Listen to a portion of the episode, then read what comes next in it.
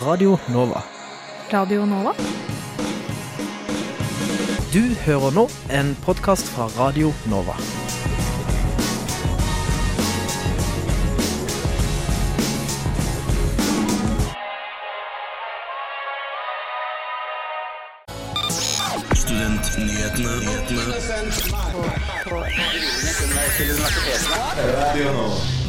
Velkommen til ukas studentnyheter. Mitt navn er Johanne Sumstartved.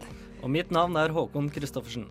Denne sendinga skal du få høre at uh, debatten har rullet etter at uh, en jusprofessor klikka på studentene i timen. Nord universitet innfører Norges strengeste retningslinjer for alkohol. NSO og Oslo OsloMet-rektor mener at gratis pensum i høyere utdanning kan være en mulighet i Norge, men forlagene er skeptiske. LO advarer mot nulltidskontrakter. Dette skal du se etter i en arbeidskontrakt. Men hva skjer den dagen du har eksamen? Eh, og du må si nei. Og da blir veldig mange redd for tør jeg å si nei nå til arbeidsgiveren min? Kan jeg risikere å miste inntekta mi fordi at jeg skal studere til eksamen? Og det har blitt laget et nytt eh, klubbkonsept i Oslo, hvor du kan vise pupper uten å bli stigmatisert. Og nå er det på tide med ukas nyhetsoppdatering.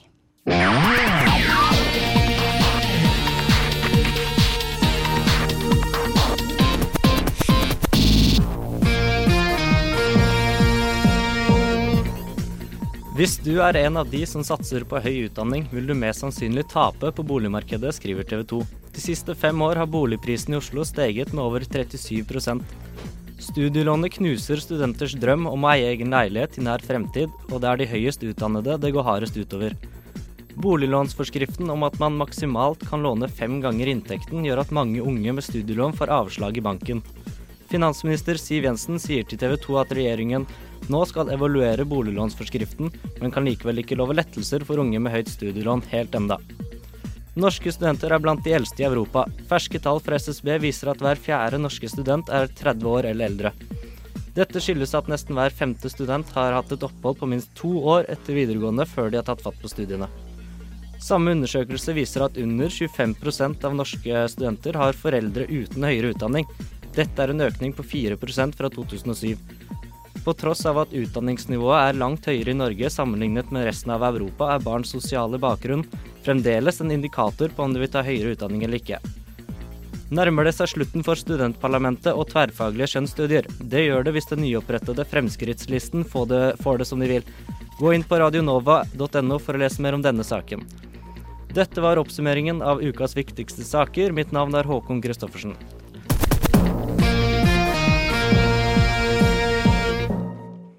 Aldri før har så mange vært på skifest i Holmenkollen. Hadde arrangøren kontroll? Dette skal vi høre etter en låt.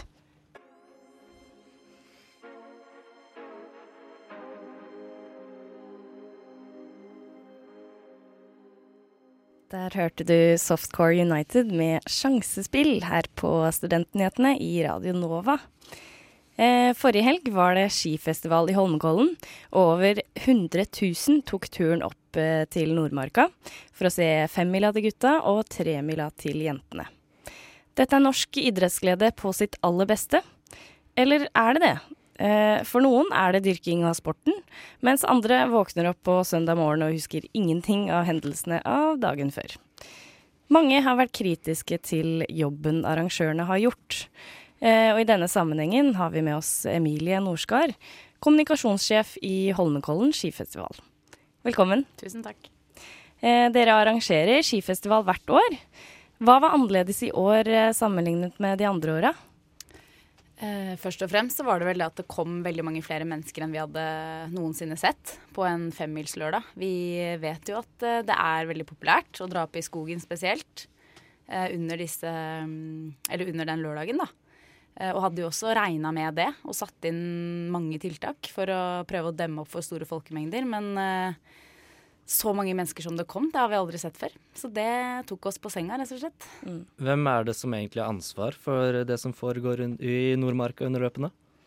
Nei, det er jo det som er litt sånn uh, Kanskje litt komplisert, da, oppe i Holmenkollen. Men vi har jo ansvar for det som skjer inne i arenaen. eh, og inne, innenfor på en måte arenaens fire vegger. da. Eh, og der gikk jo alt veldig fint. Eh, og der hadde vi ca. 17 000 personer oppe på lørdag. Eh, og så har vi på en måte en annen arena også, som er ute i skauen, oppe ved Frognerseteren, som er ca. en halvtime å gå da, fra arenaen. Og der er det på en måte Guds frie natur, egentlig. Vi veit jo det at alle de menneskene der oppe hadde jo ikke vært der hadde det ikke vært for at vi lagde skirenn. Men så har vi som arrangør egentlig ikke noen myndighet der ute. Vi kan jo ikke være politi og vise folk vekk og sette folk i fyllearresten, for å si det sånn. Så der samarbeider vi med politiet og med kommunen og med andre for å holde kontroll på det. Og har egentlig også hatt et prosjekt gående de siste to-tre årene for å nettopp gjøre det, da. Eh, med flere politivakter og flere avganger på T-banen og i det hele tatt. Så på tross av alle de tiltakene så skjedde dessverre det som skjedde på lørdag. Mm. For dere var jo ikke forberedt på det store folkehavet som kom. Dere var vel for forberedt på at det kom 100 000 hele helga? Mm, det er det som er vanlig. Mm. Så du sier jo at dere har forberedt dere ganske godt. Mm. Eh, men var dette en langvarig forberedelse med, med kontakt med politiet og Mm. ruter og sånne ting, eller var det bare en intern Nei, vi starter jo å forberede neste års arrangement egentlig dagen etter at eh, arrangementet er ferdig. Så nå er vi allerede i gang med å planlegge 2019, da. Så vi jobber med politiet egentlig hele året og har jevnlige møter. Eh, og også med Sporveien og med Ruter og andre som er eh, involvert da, i den planlegginga. Så vet vi at det var, har vært et OL, f.eks. Eh, og det tok vi jo med i beregninga og regna med at det kom til å komme litt ekstra. Så vi satte inn ekstra tiltak for det. Ruter har jo aldri før hatt så eh, god, da, egentlig, kapasitet på T-banen og kjørte på maks antall avganger. Flere enn det var under VM, faktisk, i 2011. Så For da var det jo helt kaos. Ja, de, de første dagene var det jo det. Da jobba ikke jeg der oppe, men, eh, men da har jeg jo hørt og sett at det var ganske ville tilstander da òg, så vi var jo forberedt på mye folk. Men eh, det var helt vilt, rett og slett. De Ja. første begynte å komme opp allerede i sjutida, så Mm. Ja, for det, var en del mennesker som skadet seg på forskjellige mm. måter under festivalen. Eh, Ja. Hvordan type skader er det som dominerer, og hva er årsaken til det? Nei, i, det er jo litt forskjell på skadene, da, nok en gang, hvis vi isolerer det til det som skjer ute i skauen. For inne i arenaen så er det mye barn som kommer vekk fra foreldrene sine, og noen som sklir på isen. Mens ute i skogen så er det veldig mye nedkjølinger. Folk som blir kalde. Mange kler seg ikke godt nok, så de eh, kombinert da med alkohol så blir du raskere nedkjølt. Eh, Og så er det en del eh, folk som brekker bein og faller og slår seg, og så er det rett og slett en del som får seg for mye å drikke. Mm. Mm. Vi får håpe at uh, dere tar dette til evaluering til neste år, og at det blir uh, enda bedre da. Det satser vi på. Tusen takk for at du kunne komme, Emilie Norskar, kommunikasjonssjef ved Holmenkollen skifestival. Uh, er du keen på gratis pensumbøker? Følg med etter denne låta. Vi skal høre Simon Alejandro og Lars B med To ganger.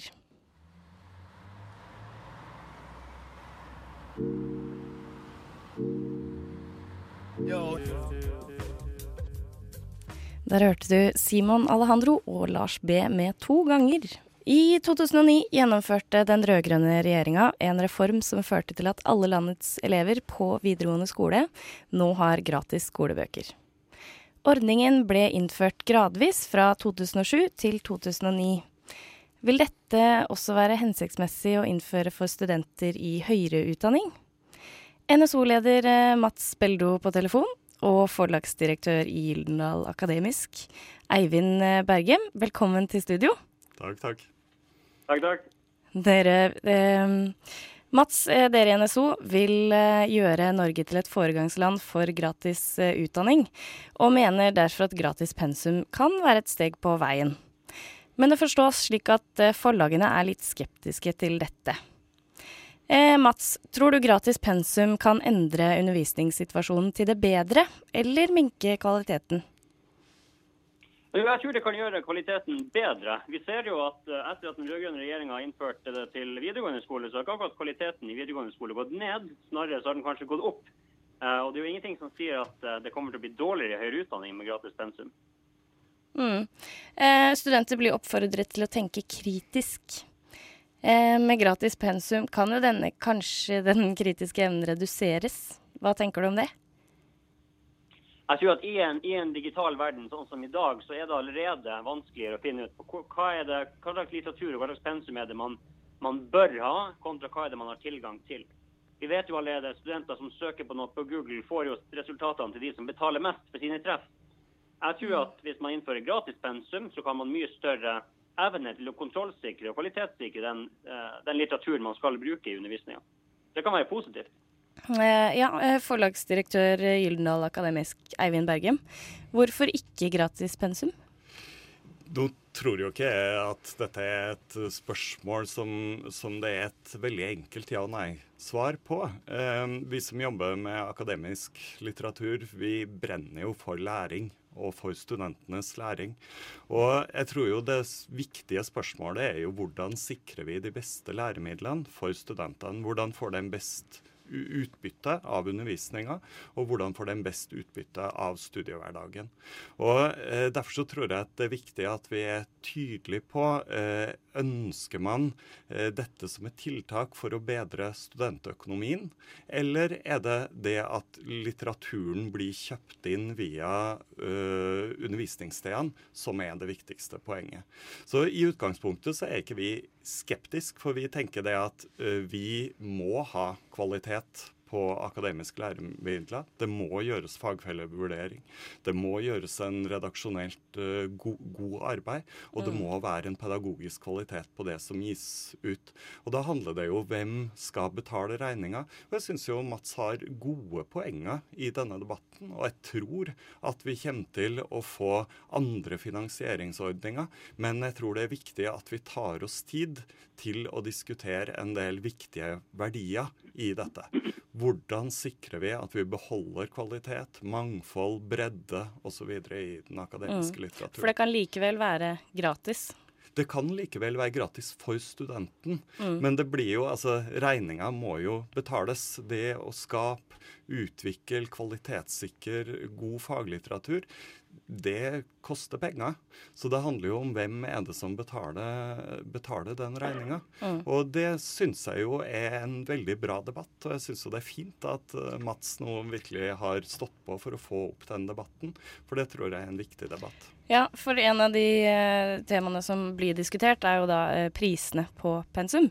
Hadde det vært en idé å senke prisene på, på bøkene? Da er vi jo igjen altså fort inn på dette med uh, går det utover kvaliteten. Mm. Og da er det jo på en måte, hva er vi villige til å betale for å ha bredde og mangfold? For oss som forlag så er det jo tøft. Altså vi jobber jo med og prøve å kun utgi eh, ikke bare bestselgerne, men kun utgi et, en god bredde av faglitteratur, og sånn sett være en god støttespiller for akademia og for studentene i kritisk tenkning i læring. Men mm. det er klart, med en gang du, du skrur til, eh, så vil det jo være fristende for oss å konsentrere oss mer om de storselgerne. Eh, det tror jeg ikke er hensiktsmessig. Mm. Sånn at jeg håper jo at dette ikke blir en debatt om effektivisering, men at det blir en debatt som Mats også var eh, veldig riktig inn på, om hvordan får vi best mulig kvalitet, hvordan sikrer vi størst mulig likhet osv., som jo jeg tror er de viktige spørsmålene her. Mm. Mats, helt til slutt, eh, hva tror du er løsningen på dette? Eh, hvorfor ønsker dere gratis pensum, og eh, hvordan skal dere holde på kvaliteten? Altså, det, det er det to ting som jeg ønsker å ta med. Altså, Problemet med dagens pensumlitteratur er at den er for dyr. Det er for dyrt for studentene å kunne kjøpe en bok som de kun skal bruke tre, fire eller kanskje fem kapitler eh, som koster tusenvis av kroner. I tillegg så ser vi at pensumlitteraturen varierer ekstremt mye fra fagfelt til fagfelt. I noen fagfelt så er det jo totalt på ett år over 10 000 kroner man må ut med for å kjøpe pensum. Og Når det kommer til organisering av det, så tror jeg faktisk det er bedre at vi finansierer pensumlitteraturen gjennom institusjonene og bibliotekene, enn at vi skal innføre en fast lavpris på det. Det tror jeg ville vært en større, eh, en større kostnadsballast for forlagstjenesten hvis man skulle hatt en fast lavpris, enn at vi fortsetter med det, med det gode bibliotektjenestene vi har i UH-sektoren. Fordi Vi har jo på plass et effektivt system som samler kunnskapskilder, og som skal gjøre dem mer tilgjengelige. Så hvorfor kan ikke bibliotekene ta ansvaret for å kjøpe og skaffe bøker, sånn som i Finland f.eks. I Finland så er det pensumbibliotek ved alle, alle statlige universiteter, hvor studentene kan låne en pensumbok istedenfor å måtte kjøpe den. Mm. Tusen takk for at dere kunne komme til Studentnyhetene for å informere oss om et uh, meget spennende tema. Det var altså NSO-leder uh, Mats uh, Johansen Beldo på telefon, og forlagsdirektør i Gyldendal Akademisk, Eivind Bergem. Radionova er best. Alle andre er tapere. Radio Nova.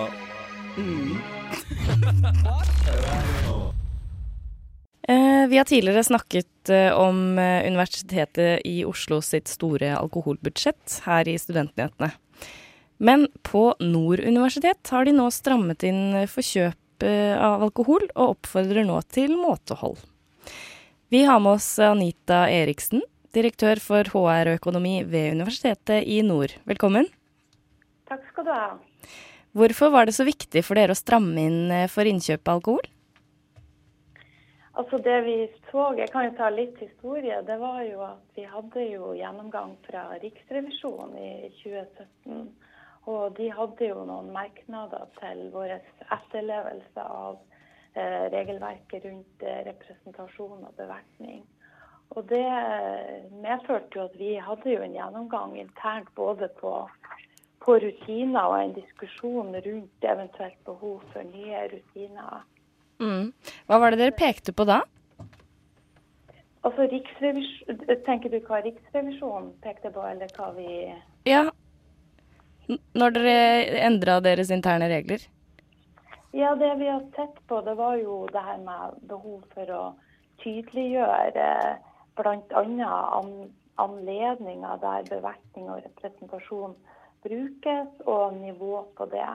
Sånn at diskusjonen har vært at vi ønsker å uttrykke en nøkternhet rundt nivå og en restriktiv holdning da. Og, og en tydeliggjøring rundt det her med bruk av uh, alkohol i visse sammenhenger. Uh, hva har dette å si for studentene og de ansatte ved universitetet?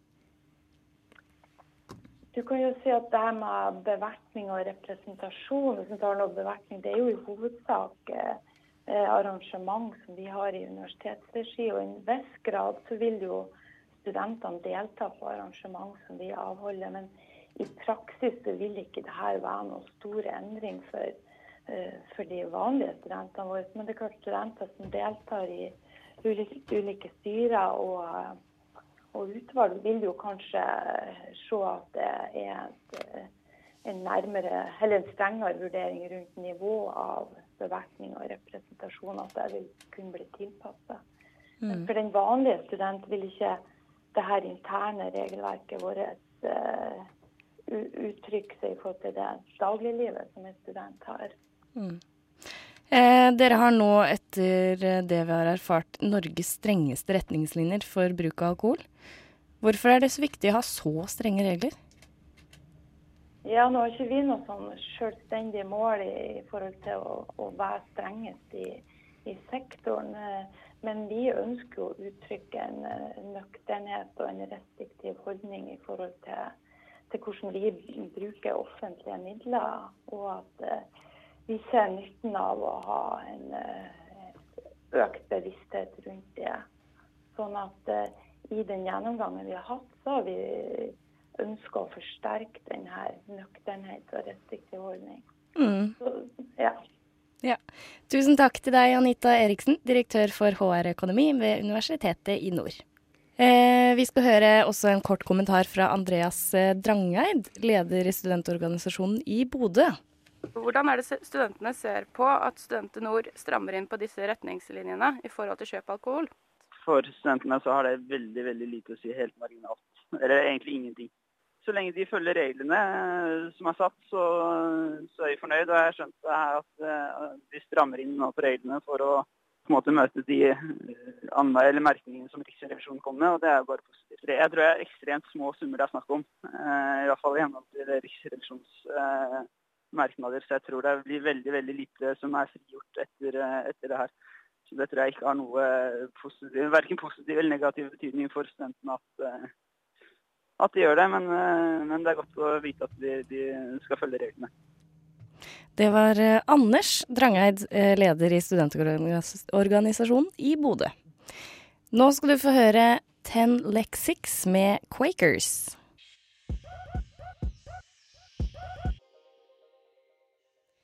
Ten Lexics med Quakers her i Studentjentene på Radio Nova. Eh, dette er ikke stedet å være creep. Ekle blikk, klåing og annen dårlig oppførsel vil føre til permanent utkastelse fra våre venter. Det heter det i beskrivelsen til Free the Nipple-arrangementet på kvinnedagen 8. mars i år. Vi har fått besøk av en av initiativtakerne bak konseptet, Selena Sefani. Velkommen. Takk. Eh, kvinnedagen forrige uke hadde dere altså et ganske vellykket arrangement på Internasjonalen. Det var i hvert fall slik det så ut uh, ut fra et bilde fra den lange køen utenfor. Ja. uh, var det et godt nachspiel etter de gode appellene og uh, ikke minst toget? Ja, det var dritbra. Det var så Det kom uforventa mange folk, og det var skikkelig god stemning. Vi, vi var ganske slitne, meg og Kristin, egentlig, når vi allerede starta. Vi fikk masse energi og storkoste oss og lo og dansa hele kvelden. og ja, det var god feministisk ånd på festen, som er egentlig det vi prøver på. Uh, dette klubbkonseptet ble starta av deg og Kristen Kessler, som tidligere var DJ i Olafia-klubben. Dere spiller litt samme type musikk, om jeg har forstått det riktig. Yeah. Altså Guilty Pleasures. Uh, hva er det dette konseptet egentlig går ut på? Er det sånn at man må vise puppene, eller er det frivillig? Nei, herregud, det er absolutt frivillig. Um, det hele det med å bringe Free Nipple til Oslo starta jo um, uh, med meg og et par gode venner som uh, er bartender og jobber i Utelivs-Oslo. Som var drittlei av å bli klådd på når vi var på jobb. Um, og da var dette tre år siden, og Free Nipple var litt i vinden da. Så vi valgte å, å gå i tog på 8. mars, bakerst i toget, for vi hadde ikke helt gidda å søke på en formell måte om en parole. Um, Året etter så valgte vi å gjøre det igjen, men vi følte vi fortjente en liten etterfest. Spurte om vi kunne låne andre etasjen på Internasjonalen og fikk et ja. Og det tok helt av. Um, så det er jo et feministisk klubbkonsept som òg handler om råderett over egen kropp, og at du sjøl får bestemme hva du har lyst til um, å gjøre, da. Så om du står der i pologenser og skjerf og vinterjakke, så er du veldig velkommen til å gjøre det. Mm. Eh, har dere merket et voksende behov for denne typen tilbud i hovedstaden? Eh, ja, absolutt. Vi, altså, som sagt, vi fikk jo helt sjokk første festen og fant ut at uh, dette er jo noe folk er hypp på. De er hypp på et safe space der um, det faktisk ikke forventer at du blir uh, klådd på uten samtykke i løpet av kvelden bare fordi du drikker, eller fordi du har kledd deg fint. Og de er hypp på vite at de kan kle av seg så mye de vil, og, og, og det er folk der som passer på dem. Mm. Så Ja, for i Vente så står det at dere oppfordrer absolutt alle til å si fra hvis vaktene Nei, si fra til vaktene hvis de selv opplever eller ser kjip oppførsel blant gjestene. Har det Mm. vært hendelser hvor det har kommet inn ekle folk som bare vil styre? Uh, ja, det skjer jo fra tid til annen, og det er jo ekstremt beklagelig. Det er heldigvis et mindretall, og man ser òg av og til så kommer det de gjengene som kommer dit for å creepe, men de, det virker som de føler ubehag etter ganske kort tid. fordi det er så lite seksuelt konsept, da. Det handler om å liksom bare ha en god fest i, i feministisk ånd og på en måte um, Og bare hygge det seg sammen. Det, det er nesten det stedet du absolutt ikke vil gå om du har lyst til å få et ligg i løpet av kvelden. Mm. Fett. Eh, har dere noen tanker om hvordan dere vil eller håper at eh, konseptet deres skal påvirke samfunnet generelt? Ja, altså vi prøver jo å lage et safe space for kvinner, queers og alle våre allierte. Um, som og selvfølgelig inkluderer feministiske menn. Men um, det er ganske lang vei å gå før det kommer til å være helt vellykka. Um, fordi at det, kom, det skal ikke mer enn én person til for å ødelegge kvelden for én eller flere. Um, så vi driver og gjør masse forskjellige sikkerhetstiltak hele tida. Øker sikkerheten. Det er totalt fotoforbud um, med, med klistre foran kameraene osv. på Mm. mobilene. Um, så vi prøver jo å gjøre det 100% trygt, som Mm. er vårt første og største mål, da. Men hvordan har dere lyst til å på en måte påvirke politisk? Um, vi har jo lyst til å være med og skape bevisstgjøring. Um, bare det ved å vise at klubbkonseptet er så populært som det er. Det finnes jo andre som spiller lignende musikk som oss, og vi er jo ikke DJ-er i det hele tatt. Vi skifter basically bare låt på Spotify. Um, så folk kommer ikke dit for å høre på liksom bra miksing. De kommer dit fordi at uh, det er et behov for det, og vi vil at folk at andre utesteder i Oslo, men òg samfunnet generelt, skal skjønne at man må begynne å ta dette seriøst, da. Ja, uh, Når er neste sjanse til å bli med på Free the Nipple Club? 12. april. På Ja. Internasjonalen midt på Youngstorget, andre etasjen. Mm. Uh, vi vurderer kanskje utvide det litt, men vi får se. Kult! Vi gleder oss. Eh, om du har lyst til å være med på Free the Nipple Club, så må du også komme på Internasjonalen 12. april. Tusen takk for at du kunne være her, Selena Stefani. Tusen takk. Eh, studentnyhetene nærmer seg slutten, men litt seinere i sendinga skal du få en oppdatering av den betente saken rundt eh, jusprofessoren ved UiO. Du lytter til Radio Nova. Denne uken har det vært eh, mye oppstyr på jussen etter at professor Benedikte Høgberg langet ut mot studentene i timen. Hun mente at studentene nå om dagen ikke studerer i ordets riktige forstand, er late fordi de har mange tekniske hjelpemidler som de før dem ikke har hatt. Videre beskylder hun studentene i å drive med hets på jodel av noen av hennes kvinnelige kollegaer og oppfordrer til og med å le av de studentene som mener at professorer skal være pedagogiske. Høgberg har fått eh, både ros og ris for talen sin, mens eh, Jens Legreid, leder ved studentparlamentet i VUiO, mener at denne debatten ikke fører noen vei. Denne uken har en ny debatt funnet veien inn i Domus Academicas lesesaler. Sist fredag åpnet professor Benedikte M. Høgberg forelesningen sin med en tre minutter lang tale om hvordan dagens studenter, spesielt jussens studenter, var blitt late og kun ville ha såkalte entertainere som forelesere. Denne kritikken, eller hetsen som hun kaller det i talen sin, hadde kommet frem på den sosiale medieplattformen Jodel, Høgberg mente at denne kritikken ikke hører hjemme, ettersom professorer ikke skal ha pedagogiske evner. Her foreslår hun til og med å le av studentene som mener dette, ettersom de da ikke kan kalles studenter. I løpet av uka har talen både blitt hyllet av andre professorer, men den har også mottatt en ganske negativ tilbakemelding fra jussen. Høgberg ville ikke kommentere saken med oss, men Jens Legreid, leder ved studentparlamentet ved UiO, har kommet med en kommentar. Vi kan ikke drive rette pekefinger i en sånn sak, vi må finne en løsning. Det er, ikke noe, det er ikke noe vits i å finne ut av hvem sin skyld noen ting er. Det som er vits, det er å faktisk løse problemene. Men eh, hva er egentlig problemet her? Nei, altså Jeg ser at det ligger en, en grunnleggende misnøye i bunnen her fra studentenes side. Og den er jo eh, den er absolutt legitim. De kommer fra et fakultet hvor de har ekstremt få forelesninger og er i stor grad overlatt til seg selv for å studere, syns jeg de kan forvente at de faktisk har noe av innhold. da. Og, da, og når, når, de ikke opplever det selv, og de prøver å sende inn klager til eh, fakultetet uten at de føler at det kommer noen vei, så er det klart at de blir irriterte. Det er helt legitimt å bli sur når de ikke føler at deres innvendinger kommer noen vei. Men det er jo samtidig ikke greit å hetse. Men det er liksom alle enig i. Det meste av tilbakemelding, slik jeg har forstått det, på denne jordkanalen handler jo om at de ønsker å bli hørt, og de ønsker seg pedagogiske forelesninger. Her har studentene litt ansvar. Men jeg føler også at eh, universitetet, og særlig de ansatte som liksom den profesjonelle part i saken, de har et særlig ansvar for å sørge for at her får vi et godt studiemiljø, hvor folk føler at de blir tatt seriøst og at de blir verdsatt da, for den innsatsen de gjør. Jusstudentene er faktisk noen av de dyktigste studentene i landet. De fortjener all mulig cred. Hvordan er det studentene kan si ifra? Det må tas opp uh, gjennom altså Hvis du opplever at du har en dårlig foreleser, så kan alle studenter på Universitetet i Oslo bruke SIFRA-systemet. Der kan du si fra om miljøet ditt. Og så kan du også sende e-poster direkte til fakultetet, og prøve å da kanskje være så konkret som mulig om hva du er misfornøyd med. da. Hvis det er konkrete tilbakemeldinger, så vil de nok bli tatt på alvor. Og dersom det ikke blir det, så må man jo fortsette. Og da er SIFRA-systemet god instans. Lægreid nevner også at det er viktig at professorer føler seg trygge i timen, og at vi må alle delta for å skape gode miljøer på lærestedene våre. Har du en sak som plager deg, ta det gjerne opp med den det gjelder, eller spør ledelsen hvor du kan ta det opp dersom du ønsker å være anonym. Hvis vi konfronterer problemet før det utvikler seg, så kan vi kanskje unngå å bruke andre kanaler, som kan til slutt gå på avveie.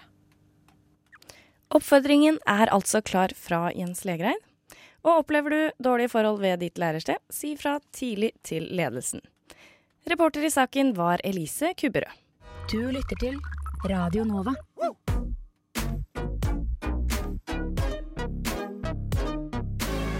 Radio Nova. Studentradioen i Oslo. Radio Nova. Ja. ja. Hva? Nova? Ja. Regjeringen fikk i går ni dager på seg av Stortinget til å vurdere lovendringer om såkalte nulltidskontrakter, som spesielt bemanningsbyråer opererer med. Det melder ABC Nyheter. LO advarer mot slike arbeidsavtaler, og forklarer hva du skal passe på i en deltidsjobb. I motsetning til det, en ordentlig arbeidskontrakt der ting er definert, så blir det her helt tilfeldig. Eh, da legger du egentlig hele råderetten din over i arbeidsgivers hender, og det vil nesten være det samme da, som å signere en hybelkontrakt eh, uten å definere hvor mye du skal betale hver måned. Eh, den skal si noe om hvem du er, hvem arbeidsgiveren din er. Den skal si noe om arbeidstida du skal jobbe. Uh, og så uh, skal det også uh, ha med lønna di, f.eks. Det er jo også viktig. Men hvis man skal ta et eksempel, da. Hvis en ansatt blir satt opp på en vakt som den, han eller hun egentlig ikke kan jobbe, eller, og uten å bli spurt først, hva kan man gjøre da? Dette er jo et særlig problem vi får henvendelser om fra studenter. Det gjelder kanskje ikke sommerjobben, men det gjelder deltidsjobben ved siden av studier. Eh, da har de signert det vi kjenner til som nulltimerskontrakter, eh, som er en styggedom som har kommet inn i norsk arbeidsliv særlig hardt de siste årene. Da skriver du en arbeidskontrakt der du er ansatt en plass, men du har ikke definert noe eh, arbeidstid. Eh, vi har alltid begynt å snakke om når arbeideren sto der med lua i handa. Eh, det er sånn 1920. Eh, men i dag så kan vi snakke om at de ansatte står der med mobilen i handa. Og det som skjer da, det er at du får jobb, men du får jobb gjennom å bli oppringt. Men hva skjer den dagen du har eksamen, og du må si nei? Og da blir veldig mange redd for tør jeg å si nei nå til arbeidsgiveren min? Kan jeg risikere å miste inntekta mi fordi at jeg skal studere til eksamen? Og da skaper det en uheldig maktposisjon som arbeidsgiver får, deg, får over deg, hvor du er nødt til å ta et vanskelig valg med en arbeidskontrakt som er signert med arbeidstid, med hva du skal jobbe hen, og ikke minst hvor du skal jobbe hen, eh, så er det enklere eh, å ha det tydelig for å unngå misforståelser mellom deg og sjefen. Vær litt kritisk. På arbeidstilsynet.no og LO sine hjemmesider så finner man en standardisert arbeidsavtale. Bruk den for alt det er verdt. Gå gjennom det.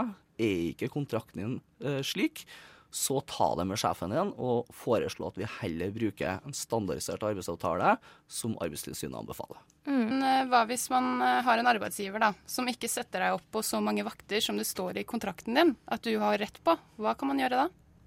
Det første du må gjøre, eh, det er å prate med sjefen din.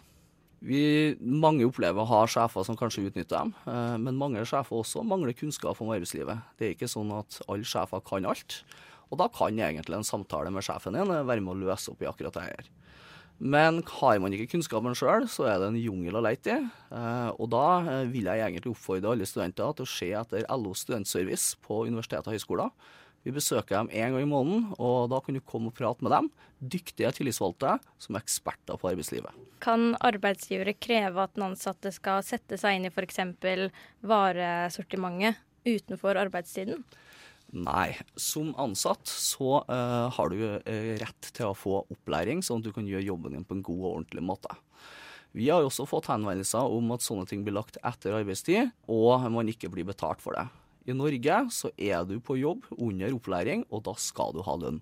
Ikke halv lønn, men full lønn. Der hørte du Rune Bukten, rådgiver for Ung i LO, fra onsdagens emneknaggen. Hele programmet tar for seg studenters utfordringer, med skrantende lommebøker og presset til å jobbe utenom studiet. Podkasten finner du på Studentnyhetene på Soundcloud. Reportere var Elise Kubberød og Selma Hellstrand. Nå skal vi høre Eckert and The House, If You Cannot Talk.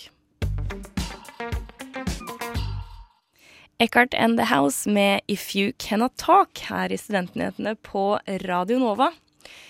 Og Jeg vet ikke hvilke planer dere har i helgen, men jeg er student og trenger å jobbe, så det skal jeg gjøre. Hva skal du, Håkon? Nei, jeg skal, jeg skal egentlig ikke så mye. Jeg skal på fotballkamp. Vålerenga serieåpner mot Odd, så jeg håper det blir litt eh, bedre, eller altså litt varmere i været. Men ellers enn det så er det ikke så mye at jeg skal. Hva med deg, Marius? Nei, jeg, eh, jeg, plutselig er det helg her, og jeg jobber hele uka, så jeg må jo finne på et eller annet. Mm. så jeg trenger tips, egentlig. Ja. Eh, hvis ikke så kan jeg at jeg tar en liten tur hjem til min kjære mar far og mor. Og jeg hørte at det er noe eh, eh, god kake og eh, sånn um, bacalao eh, i fryseren. Så, eh, så det, det kan godt eh, hende. Jo, og så skal jeg på eh, en liten visning på um, uh, søndag, fordi jeg har lyst til å flytte litt nærmere byen. Litt lei av å bo i, eh, på landsbygda i Bærum. Det er ikke så ille, men det, I det store, fine, hvite huset ditt? det er fint, men eh, det er bare litt sånn der impulsiviteten impulsivitet med at det er så langt å dra inn til sentrum, da. Så det Mm. hadde vært deilig å faktisk bo ordentlig inne i byen igjen. Ja, Sånn er det i tidsklemma. Du står og hoier med hendene dine, Celine. Skal du også på fotballkamp, eller? Dessverre. Skulle ønske. Skal eh, jobbe, så kanskje jeg tar meg en tur opp i Kollen, for det er jo skiskytingfestival. Kult. Det høres veldig morsomt ut. Håper at det er litt mindre folk enn det var forrige uke. Hvem skal du hoie på da? Nei, det blir vel eh, til Lekhoff, da. Kult. Eh, jeg har faktisk et tips til deg, Marius. Eh, fordi jeg har superlyst til å dra på Åsen tar helg. Han har eh, Emilie de Duc, eller altså gamle Åsen, da. Ja, Som nylig spilte på Nova Nedstrippe her eh, for noen uker siden. Ja, som var kjempekult. Sjekk det ut på Facebook. Eh, han har eh, fest og konsert på U1 på universitetet. Mm. Mm. Eh, jeg tror faktisk det er gratis, til og med. Såpass. Så mulig jeg drar dit. Jeg er litt sånn røsket i halsen, så jeg får se om jeg har energi til det. Hvis ikke så får jo alle være med å feire Nova sin bursdag, da. Som er i dag, yes. Det blir bursdagskake nå eh, når vi tar eh, lunsj her etter sending. Blir det med litt glass cava, kanskje? Ja, det, kan, Oi. det er mulighet for det. Oi, oi, oi. Mm. Ja, nå ble du gira, Håkon. ja, det. Ble det nå. Ja. Eh, kanskje vi bare skal si at vi skal gå og drikke cava? Da gjør vi det, vet du. Høres ut som en god plan. Studentnyhetene er da ved veis ende. Eh, om du likte det du hørte, så hør oss gjerne på podkast. Last ned der du hører podkast. Gå inn på Radio Nova, les nettsakene våre og hør repriser. Mitt navn er Johanne Sumstad Artvedt. Mitt navn er Håkon Christoffersen. Eh, Redaktør er Marius Stenberg. Meg. Og tekniker er Celine Stensrud. Etter oss eh, kommer radiotjenesten. Vi skal nå runde av med vår eh, eh, sang. Redaksjonens sang som er eh, 612 med 612 for alltid.